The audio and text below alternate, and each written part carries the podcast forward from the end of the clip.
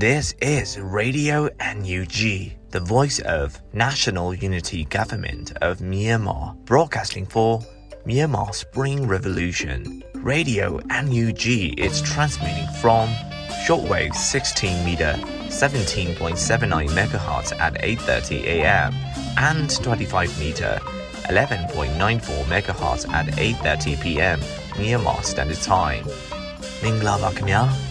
အမျိုးသားညီညွတ်ရေးအစိုးရရဲ့အတန်လွင့်ဌာန Radio NUG ကိုမနက်ပိုင်း၈နာရီခွဲမှာလိုင်းတို16မီတာစက္ကန့်တက်သမ9 MHz ညပိုင်း၈နာရီခွဲမှာလိုင်းတို25မီတာ17တက်သမ6 MHz တို့မှာဓာတ်ရိုက်ဖမ်းယူနိုင်နိုင်ပါပြီမင်္ဂလာအပေါင်းနဲ့ပြည့်စုံကြပါစေအခုချိန်ကစပြီး Radio NUG အစီအစဉ်တွေကိုဓာတ်ရိုက်အတန်လွှင့်ပေးနေပါပြီ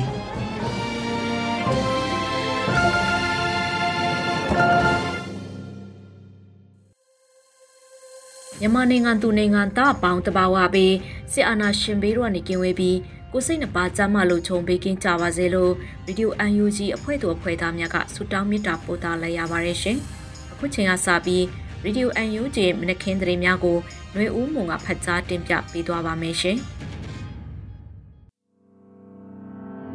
မင်္ဂလာမနက်ခင်းပါရှင်2023ခုနှစ်ဒီဇင်ဘာလ23ရက်နေ့ Radio NUG ပြည်တွင်းသတင်းတွေကိုတင်ပြပေးသွားပါမယ်ကျွန်မကတော့ຫນွေဦးမုံပါကာဝေးဝင်ကြီးဥယျာဉ်မှုနဲ့ဒုဝင်ကြီးနိုင်ကောင်းရတို့ထောက်ဖို့တသားစုဆောင်ရမှုဖန်ရီစာများနဲ့တွေ့ဆုံတဲ့သတင်းကိုတင်ပြပေးပါမယ်ဒီဇင်ဘာလ22ရက်နေ့မှာပြည်သူတော်လှန်ရေးထောက်ဖို့တက် PRF တီထောင်ကြီးနှစ်နှစ်ပြည့်အထိမ်းအမှတ်အနေနဲ့မြို့သားညီညွတ်ရေးအစိုးရကာဝေးဝန်ကြီးဌာနမှတာဝန်ရှိသူများနဲ့နိုင်ငံအသီးသီးမှဖန်ရီစာများတွေ့ဆုံဆွေးနွေးကျင်းပခဲ့ပါတယ်။ခန္ဓာမှာ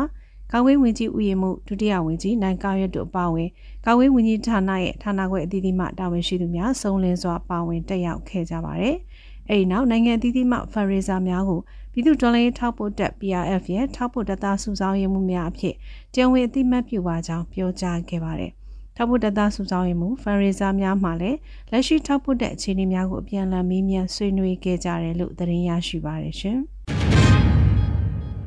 မဟာမိတ်ညီနောင်သုံးဘွဲ့နဲ့ပတ်သက်ပြီးညီညွတ်မှုသွေးစည်းမှုနဲ့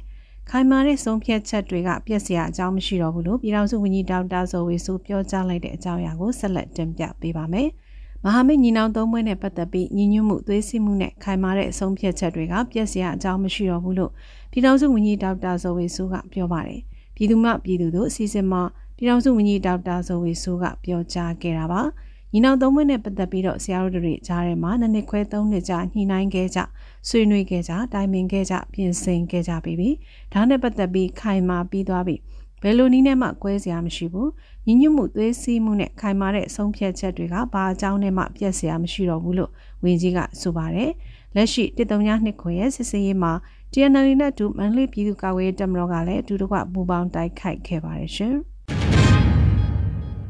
ဂျာကာလာဒေသန္တရာပြည်သူ့အုပ်ချုပ်ရေးဖော်ဆောင်မှုဗဟိုကော်မတီနဲ့စကိုင်းတိုင်းရှိမြို့နယ်ပြည်သူ့အုပ်ချုပ်ရေးဖွဲ့များတွဲဆုံဆွေးနွေးပွဲကျင်းပတဲ့တဲ့ရင်ကိုဆက်လက်တင်ပြပေးပါမယ်။မြို့သားညီညွတ်ရေးအစိုးရဂျာကာလာဒေသန္တရာပြည်သူ့အုပ်ချုပ်ရေးဖော်ဆောင်မှုဗဟိုကော်မတီနဲ့စကိုင်းတိုင်းမြို့နယ်ပြည်သူ့အုပ်ချုပ်ရေးဖွဲ့များတွဲဆုံဆွေးနွေးပွဲအစည်းအဝေး54မြင်းဆောင်2023ကိုဒီဇင်ဘာ22ရက်ကကျင်းပခဲ့ပါတယ်။အစည်းအဝေးမှာဂျာကာလာဒေသန္တရပြည်သူ့အုပ်ချုပ်ရေးဖော်ဆောင်မှုဗဟိုကော်မတီ ထွေထွေတွင်းရမှုပြည်ထောင်နဲ့လူမှုကြီးကြပ်ဝန်ကြီးဌာနဒုတိယဝန်ကြီးခုထဲဘူးမှအဖွဲ့မှစကားပြောကြားခဲ့ပါတယ်။ဆက်လက်ပြီးဝန်ကြီးဌာနများမှလုပ်ငန်းစဉ်များနဲ့ပတ်သက်ပြီးရှင်းလင်းပြောကြားခဲ့ပြီးမြို့နယ်ပြည်သူ့အုပ်ချုပ်ရေးအဖွဲ့ဝင်များမှမူဝါဒလက်ညွှန်ချက်များလုပ်ငန်းဆောင်ရွက်ချက်များမြေပြင်ခက်ခဲများပေါ်သိရှိလူသည်များကိုမေးမြန်းဆွေးနွေးခဲ့ကြပြီးဝန်ကြီးဌာနရဲ့တာဝန်ရှိသူများကပြန်လည်ဖြေကြားခဲ့ပါတယ်။စီဝေးသို့ဒုတိယဝန်ကြီးမြေတဲ့အတွဝင်များတွဲဘက်မြေတဲ့အတွဝင်များ ဌာနဆိုင်ရာများမှတာဝန်ရှိသူများစကိုင်းတိုင်းရှိမြို့နယ်ပြည်သူ့အုပ်ချုပ်ရေးအဖွဲ့ခေါင်းဆောင်များဖွဲ့ဝင်များတက်ရောက်ခဲ့ကြပါတယ်ရှင်။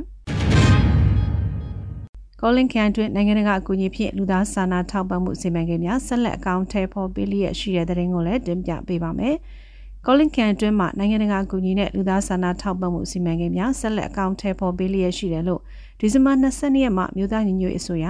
လူသားချင်းစာနာထောက်ထားရေးနဲ့ BNN ဆိုင်ရာစီမံခန့်ခွဲဝန်ကြီးဌာနကအသိပေးဖော်ပြပါရယ်။မြန်မာလ6ရက်နေ့မှာမြို့သားညီညွတ်ရေးအစိုးရပြည်သူ့ကာကွယ်ရေးတပ်မတော် PDF ပြည်သူ့ကာကွယ်ရေးအဖွဲ့ပကဖနဲ့မဟာမိတ်တပ်ဖွဲ့များလက်တွဲပြီးတိမ့်ပတ်ရရှိခဲ့တဲ့စကိုင်းတိုင်းကောလင်းမြို့နယ်အတွင်းရှိစစ်ပေးရှောင်းပြည်သူများအတွက်ရေးပေါ်စားနပ်ရိက္ခာများမိုးကားများနဲ့ငွေကြေးပံ့ပိုးခြင်းလုပ်ငန်းများပါဝင်ပြန်လည်ထူထောင်ရေးလုပ်ငန်းများကိုလူသားချင်းစာနာထောက်ထားရေးနဲ့ဘေးအန္တရာယ်ဆိုင်ရာစီမံခန့်ခွဲဝန်ကြီးဌာနရဲ့ကြီးကြပ်ကွပ်ကဲမှုနဲ့ ဆောင်ရွက်ပေးလျက်ရှိပါတယ်။အဲ့လိုဆောင်ရွက်ရမှာမြို့သားညွေအစိုးရလူသားချင်းစာနာထောက်ထားရေးနဲ့ဘေးအန္တရာယ်ဆိုင်ရာစီမံခန့်ခွဲဝန်ကြီးဌာနကလူသားချင်းစာနာထောက်ထားမှုအကူအညီဖြင့်နိုင်ငံတကာမှရရှိသည့်အလှငွေ644သိန်း96,950ကျပ်ကိုကောလင်ခိုင်တွင်ရှိစပေးဆောင်ကြေးရွာ9ရွာနဲ့တဘာဝဘေးဒဏ်ခံကြေးရွာတရွာရှိအိမ်အောင်စု912စုမှလူဦးရေ3212ဦးအတွက်တဦးလျင်ငွေသား18250ကျပ်နဲ့ အိမ်အောင်စုတစုလျင်8000ကျပ်တန်မိုးရှိစားနေခါများကိုချိတ်ဆက်ပံ့ပိုးခဲ့တယ်လို့သတင်းရရှိပါရယ်။သို့ပေမဲ့ကောလင်ခိုင်တွင်၌ဂျမတ်စစ်တပ်ရဲ့လေကြောင်းရန်နဲ့လက်နက်ကြီးပစ်ခတ်မှုရန်ကြောင့်ထိခိုက်ခံစားကြရတဲ့ဘေးသင့်ပြည်သူများစွာရှိကြပြီးကူညီလိုအပ်ချက်များလည်းရှိနေဆဲဖြစ်တယ်လို့သိရပါတယ်ရှင်။ကင်းဒီပြည်ရှိစစ်ကောင်စီတပ်များလက်နက်သွဲကိုရွေးချယ်ရန် KNDF ဒုစစ်ဦးစီးချုပ်မာဝီသတိပေးပြောကြားလိုက်တဲ့အကြောင်းအရာကိုဆက်လက်တင်ပြပေးပါမယ်။ ကင်းဒီပြည်ရှိစစ်ကောင်စီတပ်များလက်နက်သွဲကိုရွေးချယ်ဖို့ KNDF ဒုစစ်ဦးစီးချုပ်မာဝီကဒီဇင်ဘာ20ရက်မှာရုပ်သံနဲ့တကွပြောပါတယ်။လူလူနဲ့ပူပေါင်းပြီးတော့လက်နက်ချမလားချိန်မုံခံမလားလန်နှလန်ရှိတယ်။ကြိုက်တယ်လန်၍နောက်တစ်လှိုင်းထက်လာမယ်လို့ဆိုပါတယ်။ကီနီပြည်နယ်လွိုင်ကော်တက်သူမှတက်ဆွဲထားတဲ့စစ်ကောင်စီတပ်မှ66လောက်ခန့်ခမရ425နဲ့ခမရ6တရင်တို့ကို KNDF ကနွေမာလာ73ရက်နေ့ကတိုက်ခိုက်ခဲ့တာကြောင့် စစ်ကောင်စီတပ်သား130ကျော်သေဆုံးပြီးတပ်ဖွဲ့ဝင်32ဦးလက်နက်ချခဲ့ပါတယ်။လာဒူဒီဇမ10ရက်နေ့နက်ပိုင်းမှာကီနီပြည်နယ်လွိုင်ကော်မြို့ရှိပြည်내ရဲတပ်ဖွဲ့မှုရုံးကိုကင်းနီတော်လေးဦးအောင်တပ်ဖွဲ့ကတင်ပိုက်ခဲ့ပါတယ်ရှင်။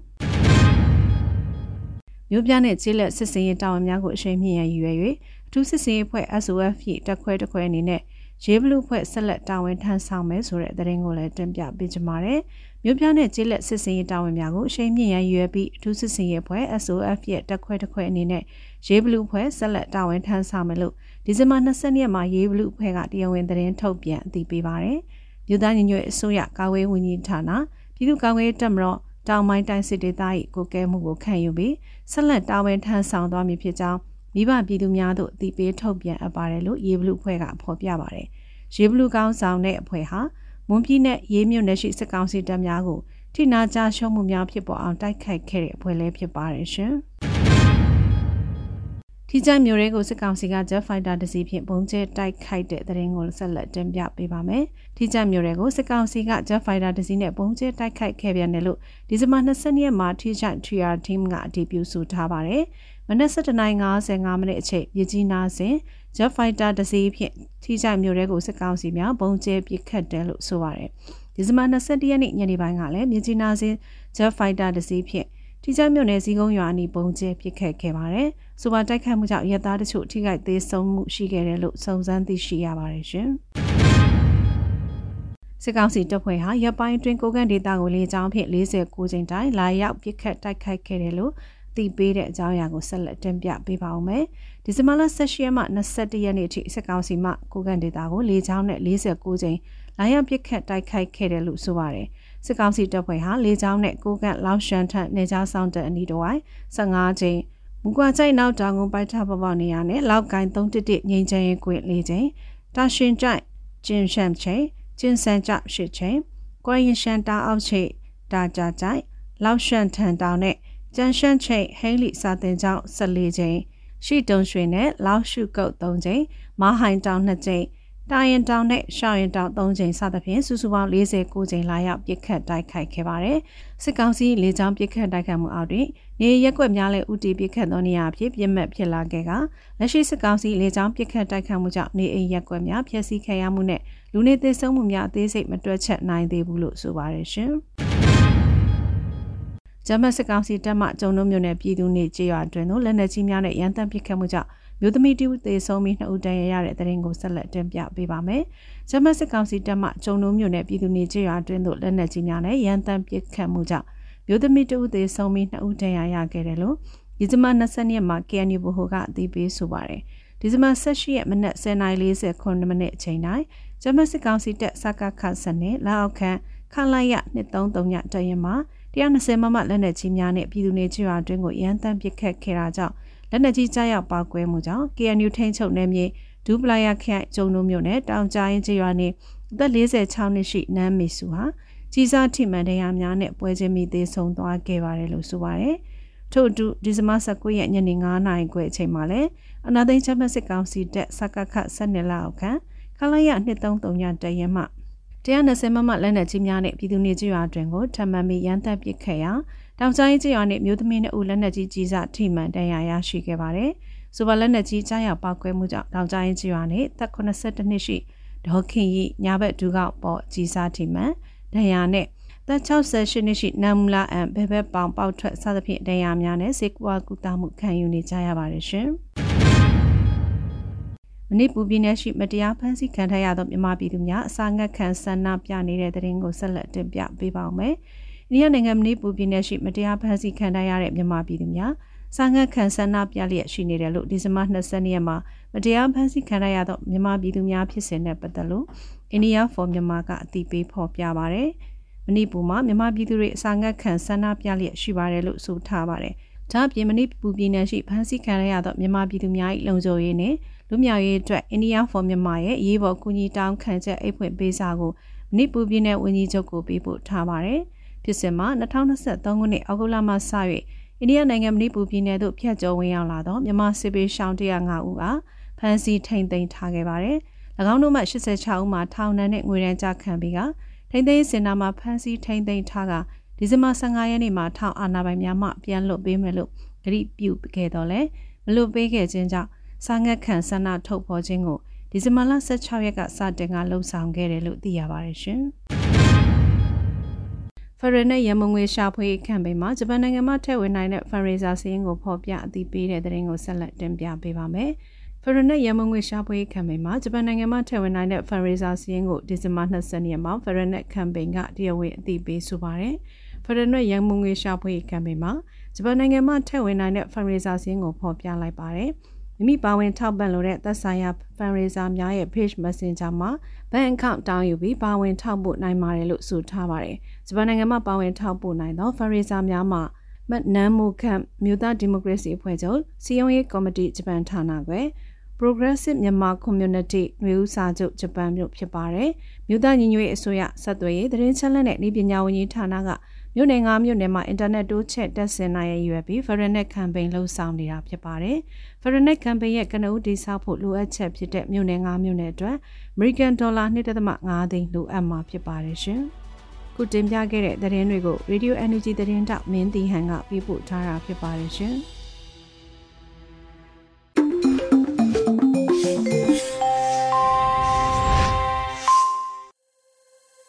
ဆက်လက်ပြီးတော်လှန်ကဗျာကဏ္ဍအစီအစဉ်ကနေရဲဘော်မင်းမင်းရေးဖွဲ့ထားတဲ့အမေကိုမပေးဖြစ်သောကဗျာလေးကိုညနှင်းရီလွန်ကရွတ်ဖတ်ပေးပါမယ်ရှင်။အမေကိုမပေးဖြစ်သောကဗျာလေးအမေလူတစုပေါ့တိုင်းပြည်ကိုနင်းလူကောင်းတွေကိုရှင်းအာနာလန်းကိုခင်းခဲ့ကြအမေသူတို့ကတိတ်ရက်ဆက်တယ်တိုင်းပြည်ကိုဖြတ်သူတို့အမျက်ထွက်ဖို့သားတငယ်ချင်းတွေကိုလည်း တတ်ခဲ့ကြအမေအမေသားလူမိုက်တိုင်းပြည်ကိုကဲအာနာယူးတွေကိုဖယ်ဖို့စရိုက်လဲတူတဲ့တငယ်ချင်းတွေနဲ့တိုက်ပွဲအတူဝင်နေအမေအမေကိုလွမ်းအမေပါးလေးကိုနမ်းကျင်လို့အမေသားလူချမ်းတနတ်ကိုထမ်းအနာဂတ်ကိုမှန်းလို့ခရောက်လန်းကိုလှမ်းလိုက်အောင်အမေအမေသားလူမိုက်တိုက်ခိုက်ရင်ကြခင် အမေမငုံနဲ့သားအထွက်ခုံယူပုံတူလေးဧကန်းမှာချိတ်ထားပြီးအမေဒါကအမေကိုမပေးဖြစ်တဲ့ကြပြလေးတခါလေးများအခွင့်ကြုံအမေရင်ဝင်ကိုခုခလေးတယောက်လိုငိုခြင်းသေးအမေအခုချိန်မှာတော့စစ်ခွေးတွေကိုတတ်အာနာယူးတွေကိုအမြင့်ဖြတ်ဖို့တနတ်ကိုတဲအိမ်မက်တွေကိုဖယ်ထားလိုက် အောင်အမေအမေသားလူမိုက်ကိုစိတ်နာလိုက်ကြိတ်ကငိုခဲ့တဲ့မျက်ရည်တွေကိုအမေမမြင်အောင်ပြင်ဆင်အမေအိုရင်ဝင်နေတနေ့သားမိုက်ပြန်ခဲ့ပါရဲဘော်မင်းမင်း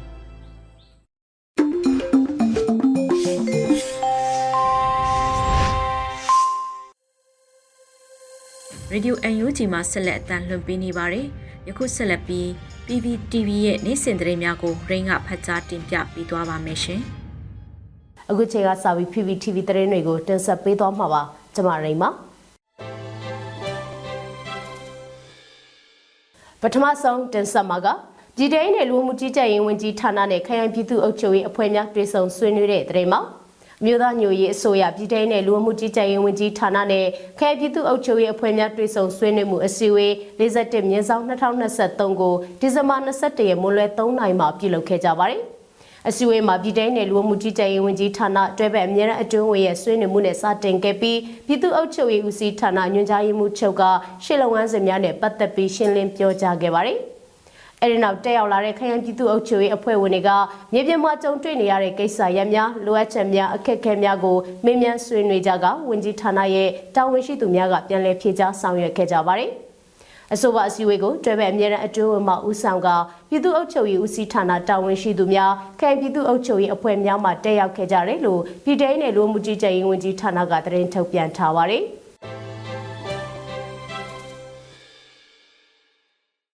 နောက်ထပ်တက်ဆက်ပေးမှာကတော့နံပါတ်2မြို့နယ်ကအကြံဖက်စစ်ကောင်စီရဲ့မန်ဆန်ကျေးရွာတပ်စခန်းကို TNL သိမ်းပိုက်ပြီးလက်နက်ခဲယမ်းတွေရရှိခဲ့တဲ့တဲ့မှာရှမ်းပြည်မြောက်ပိုင်းတအောင်ပြည်နယ်နံပါတ်2မြို့နယ်ကအကြံဖက်စစ်ကောင်စီရဲ့မန်ဆန်ကျေးရွာတပ်စခန်းကို TNL သိမ်းပိုက်နိုင်ခဲ့ပြီးလက်နက်ခဲယမ်းတွေရရှိခဲ့တယ်လို့ညီနောင်သုံးဖွဲ့ကထုတ်ပြန်ပါတယ်။ တအောင်တမတော် PSLF TNL နဲ့အကြမ်းဖက်စစ်အုပ်စုဟာပြီးခဲ့တဲ့ဒီဇင်ဘာ18ရက်နေ့ကတမဟာလေးစစ်တေသနမဒူမြို့နယ်အကြမ်းဖက်စစ်ကောင်စီမန်ဆန်ကျေးရွာတပ်စခန်းမှာတိုက်ပွဲဖြစ်ပွားခဲ့ပါတယ်။အဲဒီမန်ဆန်ကျေးရွာမှာရှိတဲ့အကြမ်းဖက်စစ်ကောင်စီရဲ့တပ်စခန်းကိုတအောင်တမတော် TNL ကထိုးစစ်ဆင်တိုက်ခိုက်ခဲ့ပြီးတဲ့နောက်အပိသက်ချင်းမုံသိမ့်ပိုက်နိုင်ခဲ့တာဖြစ်ပြီးအဲဒီစကန်သိမ်းတိုက်ပွဲအတွင်းအကြမ်းဖက်စစ်တပ်ရဲ့လက်နက်ခဲယမ်းတွေကိုပါသိမ်းဆည်းရရှိခဲ့တယ်လို့ဖော်ပြထားပါတယ်။ တေတုံညာနှစ်ခွန်စစ်စင်ရဲ့စတင်ခြင်းကနေဒီကနေ့အထိတအောင်ပြည်နယ်အတွင်းကနမ်ဆန်နဲ့နမ်ခမ်မြို့ကြီးနှစ်မြို့အပါအဝင်အကြမ်းဖက်စစ်ကောင်စီရဲ့တပ်စခန်းကြီးသေစုစုပေါင်း60ကျော်ကိုလည်း TNL ကသိမ်းပိုက်ရရှိခဲ့ပြီးဖြစ်ပါတယ်။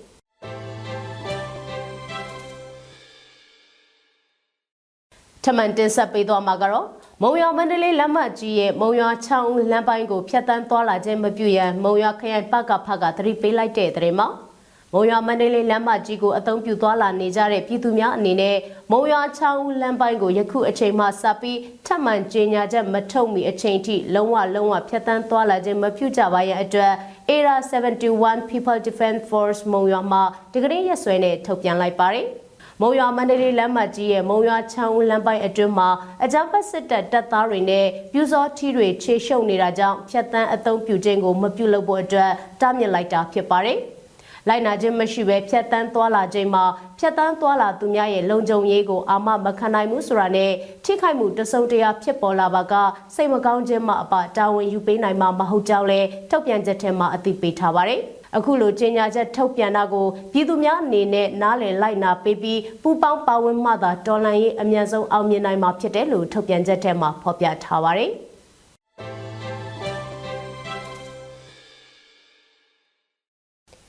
အခုနောက်ဆုံးအနေနဲ့မြန်မာနိုင်ငံတဝန်းကလူမျိုးပေါင်းစုံဘာသာပေါင်းစုံပါဝင်တဲ့ဆီအာနာရှင်အမြင့်ပြတ်ချင်းမုံရေးလူထုဆန္ဒပြပွဲတဲ့တွေကိုစူးစီးတင်ဆက်ပေးသွားပါမယ်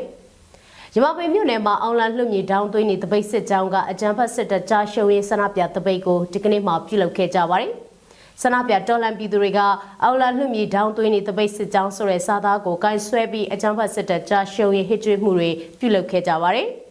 စကိုင်းတိုင်းရမပင်မြို့နယ်ပြည်သူ့အောင်မှန်တပိတ်စစ်ကြောင်းကအကြမ်းဖက်စစ်တပ်ကြားရှုံရင်ဆန္ဒပြတပိတ်ကိုပြုလုပ်ခဲ့ကြပါတယ်။ဆန္ဒပြတော်လှန်ပြည်သူတွေကပြည်သူ့အောင်မှန်တပိတ်စစ်ကြောင်းဆိုတဲ့စာသားကိုကိုင်ဆောင်ပြီးအကြမ်းဖက်စစ်တပ်ကြားရှုံရင်ဆန္ဒပြတပိတ်ကိုပြုလုပ်ခဲ့ကြတာပါ။ရမပင်မြို့နယ်ရဲ့နောက်ပြန်မလဲကြီးဒီတော်လှန်ရေးတပိတ်စစ်ကြောင်းကအကြမ်းဖက်စစ်တပ်ကြားရှုံရင်ဆန္ဒပြတပိတ်ကိုပြုလုပ်ခဲ့ကြပါတယ်။တော်လှန်ပြည်သူတွေကနောက်ပြန်မလဲကြီးဒီတော်လှန်ရေးတပိတ်စစ်ကြောင်း သူတရုတ်အစိုးရဖက်စစ်တပ်နဲ့ပေါင်းပြီးမြန်မာပြည်သူတွေကိုတတ်နေတာချက်ချင်းရက်နဲ့ဖက်စစ်တပ်ကိုစွန့်ခွာကြပြည်သူရင်ခွင်ခိုလုံကြဆိုတဲ့စာသားတွေကိုကိုင်ဆွဲပြီးအကြမ်းဖက်စစ်တပ်ကြရှုံးရေးဟစ်ကြွေးမှုတွေပြုလုပ်ခဲ့ကြတာပါဒေသခံတော်လှန်ပြည်သူတွေဟာနေမြေမငြိမ်သက်မှုတွေကြားတဲ့ကနေအကြမ်းဖက်စစ်တပ်ကြရှုံးရေးဆန္ဒပြတပိတ်ကိုနေ့စဉ်ပြုလုပ်နေကြတာပါ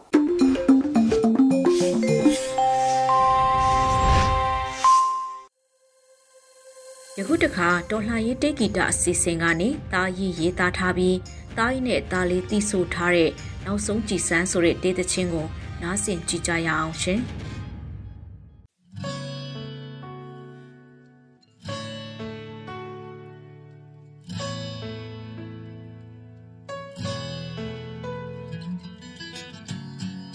အပြေးသေးမပြတ်သေးအဒီဒီပိုင်းကပေး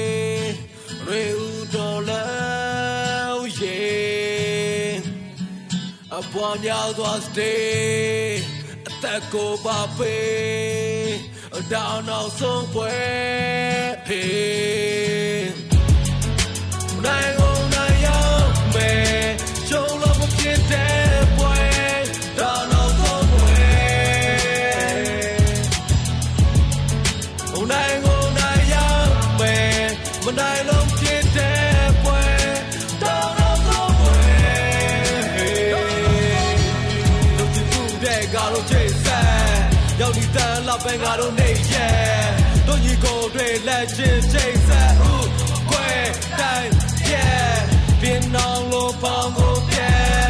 လက်တကြောက်တဲ့ echo sign never get out we can never fight and stay the end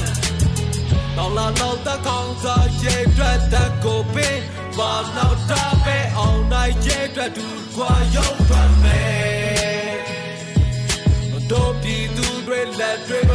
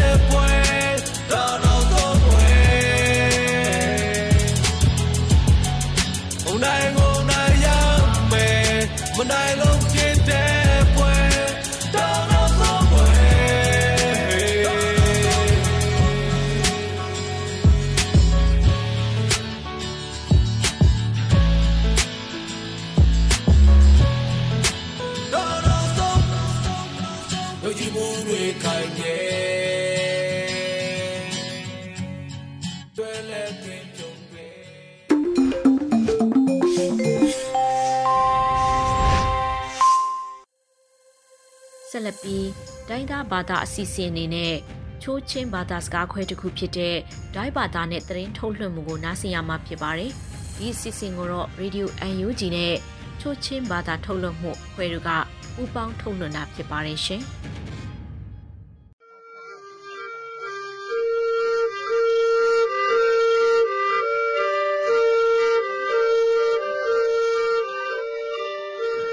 นูบาเบนานันิเพยาอีเกียวตุงอยคำคามุกุยักทุมทุมขึ้นสุมาตุงนิมุงยากาทักตุงเอซุนกีได้สลายนอกันิยามเทลตุขานีอักษกาเทปุยสคันอันนี้ตุมขดูบาตุนเฮียงตุงนักลุมโลหัมตอกไข่อันนี้ตีเตียทังอังหินากาปุงทรงสกันอุมขดอุลือเซนเฮดทุมกิบยาเซซาครุอันนี้มันยาอูเตียทัง อักทุมนากาได้คงกาหุมนำเสสปูนอ ခါယုံအကဝိုင်ပြထံပီညငိုင်ခယနီ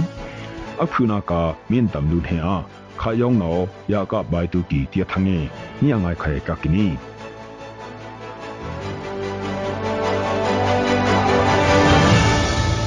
ဘတုမ်လူထေထေပွိစခန်အနိတုမ်ခုတ်ဦးတီလူ CTF ဘတုနောသပ်ပရကီယာကကနီတူခါဟလိခတုံတူလူနပတ်မြောက်လူအနိမ်ခုတ်တီလူသံဝေကီနီ ขยนี้อักทุนากาเมียนตำลุนเฮียขายองนอยากาไว้ตุกีเตียทังเงนี่ยังไงขยกักกินีบาตุมลุนเฮเทปุยสักขันอันนี้ตุมขุดอูติลู CTF บาตูนอทักปรากยากักกินี ตูคาฮัลิกขตุงต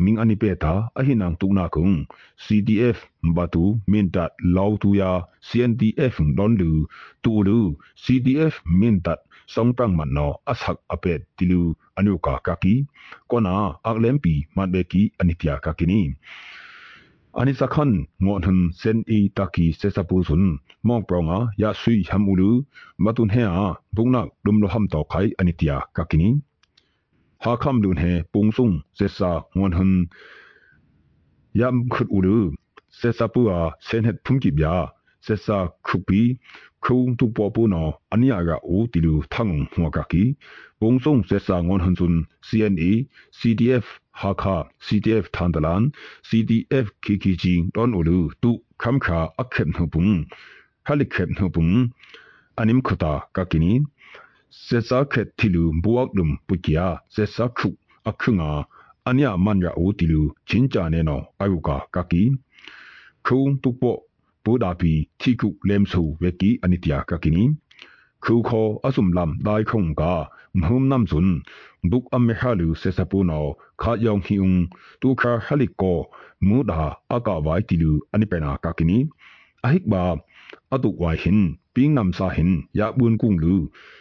no kha yong hiung tu kha haliko mu da aka wai tilu ani pena ka kini ahik ba atu wai hin ping nam sa hin ya bun kung lu anu nga aya ka wai kunga ka kini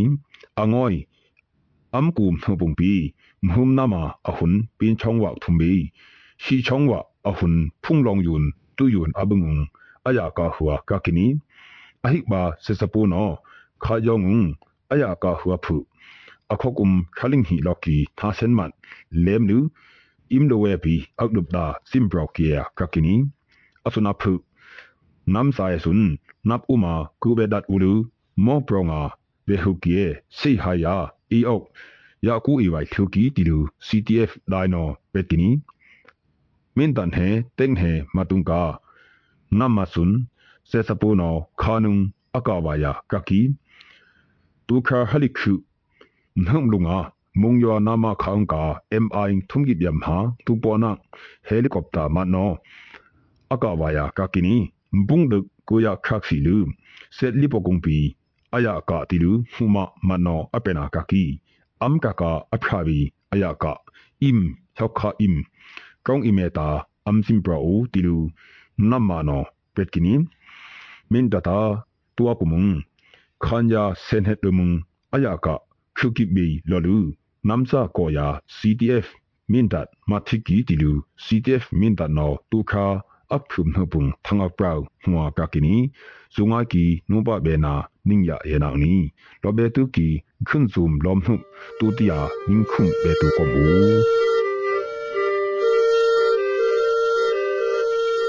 akum tu du bakhoa lekung anik ua maya pok dui thiki bungyan ya song tok ilu khang ak dum thiku lem boy tini khom lekung anik u maya bungya ne sun am yukuma ani prana kaki ak dum akli apelep apulum angtun aksak anghum tiareki ahine hin ku kau e se ulu adupsa nin heong pi pok dui thiki ni အဆုနာဖုဟိနာကူအိစကီဆောင်းတော့အီအ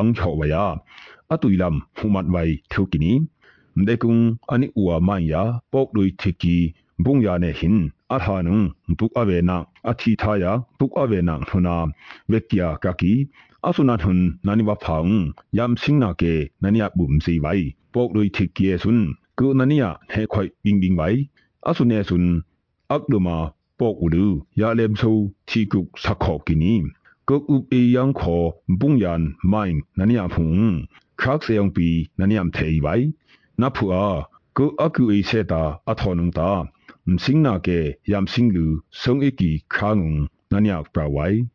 ဒီကနေ့ကတော့ဒီညနေပဲ Radio NUG ရဲ့အစည်းအဝေးကိုခਿੱတရရနိုင်ပါမယ်မြန်မာစံတော်ချိန်မနက်၈နာရီခွဲနဲ့ည၈နာရီခွဲအချိန်တွေမှာပြန်လည်ဆုံးဖြတ်ကြပါစို့ Radio NUG ကိုမနက်ပိုင်း၈နာရီခွဲမှာလိုင်းဒို16မီတာစက္ကန့်တသမ9 MHz ညပိုင်း၈နာရီခွဲမှာလိုင်းဒို25မီတာ17သမ6 MHz တို့မှာ ဓာတ်ရိုက်ဖမ်းယူနိုင်နိုင်ပါပြီမြန်မာနိုင်ငံသူနိုင်ငံသားများကိုစိတ်နှပြချမ်းမာချမ်းသာလို့ဘေးကင်းလုံခြုံကြပါစေလို့ Radio NUG အဖွဲ့သူအဖွဲ့သားများကဆုတောင်းလိုက်ရပါတယ်။အမျိုးသားညီညွတ်ရေးအစိုးရရဲ့စက်သွေးရေးတရင်အချက်အလက်နဲ့ဤပညာဝန်ကြီးဌာနကထုတ်လွှင့်နေတဲ့ Radio NUG ဖြစ်ပါတယ်။ San Francisco Bay Area အခြေစိုက်မြန်မာမိသားစုများနဲ့နိုင်ငံတကာကစေတနာရှင်များလှုပ်အားပေးများရဲ့ Radio NUG ဖြစ်ပါတယ်။အရေးတော်ပုံ အောင်ရမည်